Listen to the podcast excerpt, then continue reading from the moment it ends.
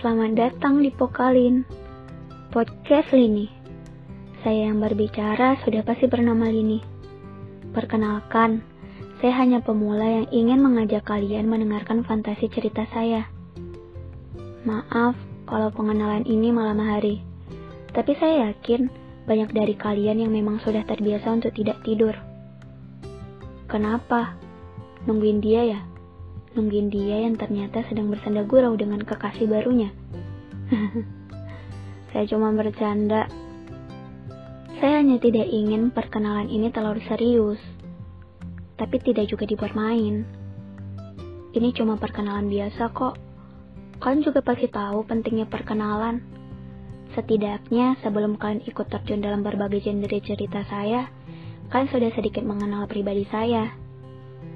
Dan siapa tahu, cerita yang saya bagikan bisa menjadi perantara sebuah kalimat yang dari dulu ingin kalian sampaikan, tapi tidak tersalurkan karena malu atau takut.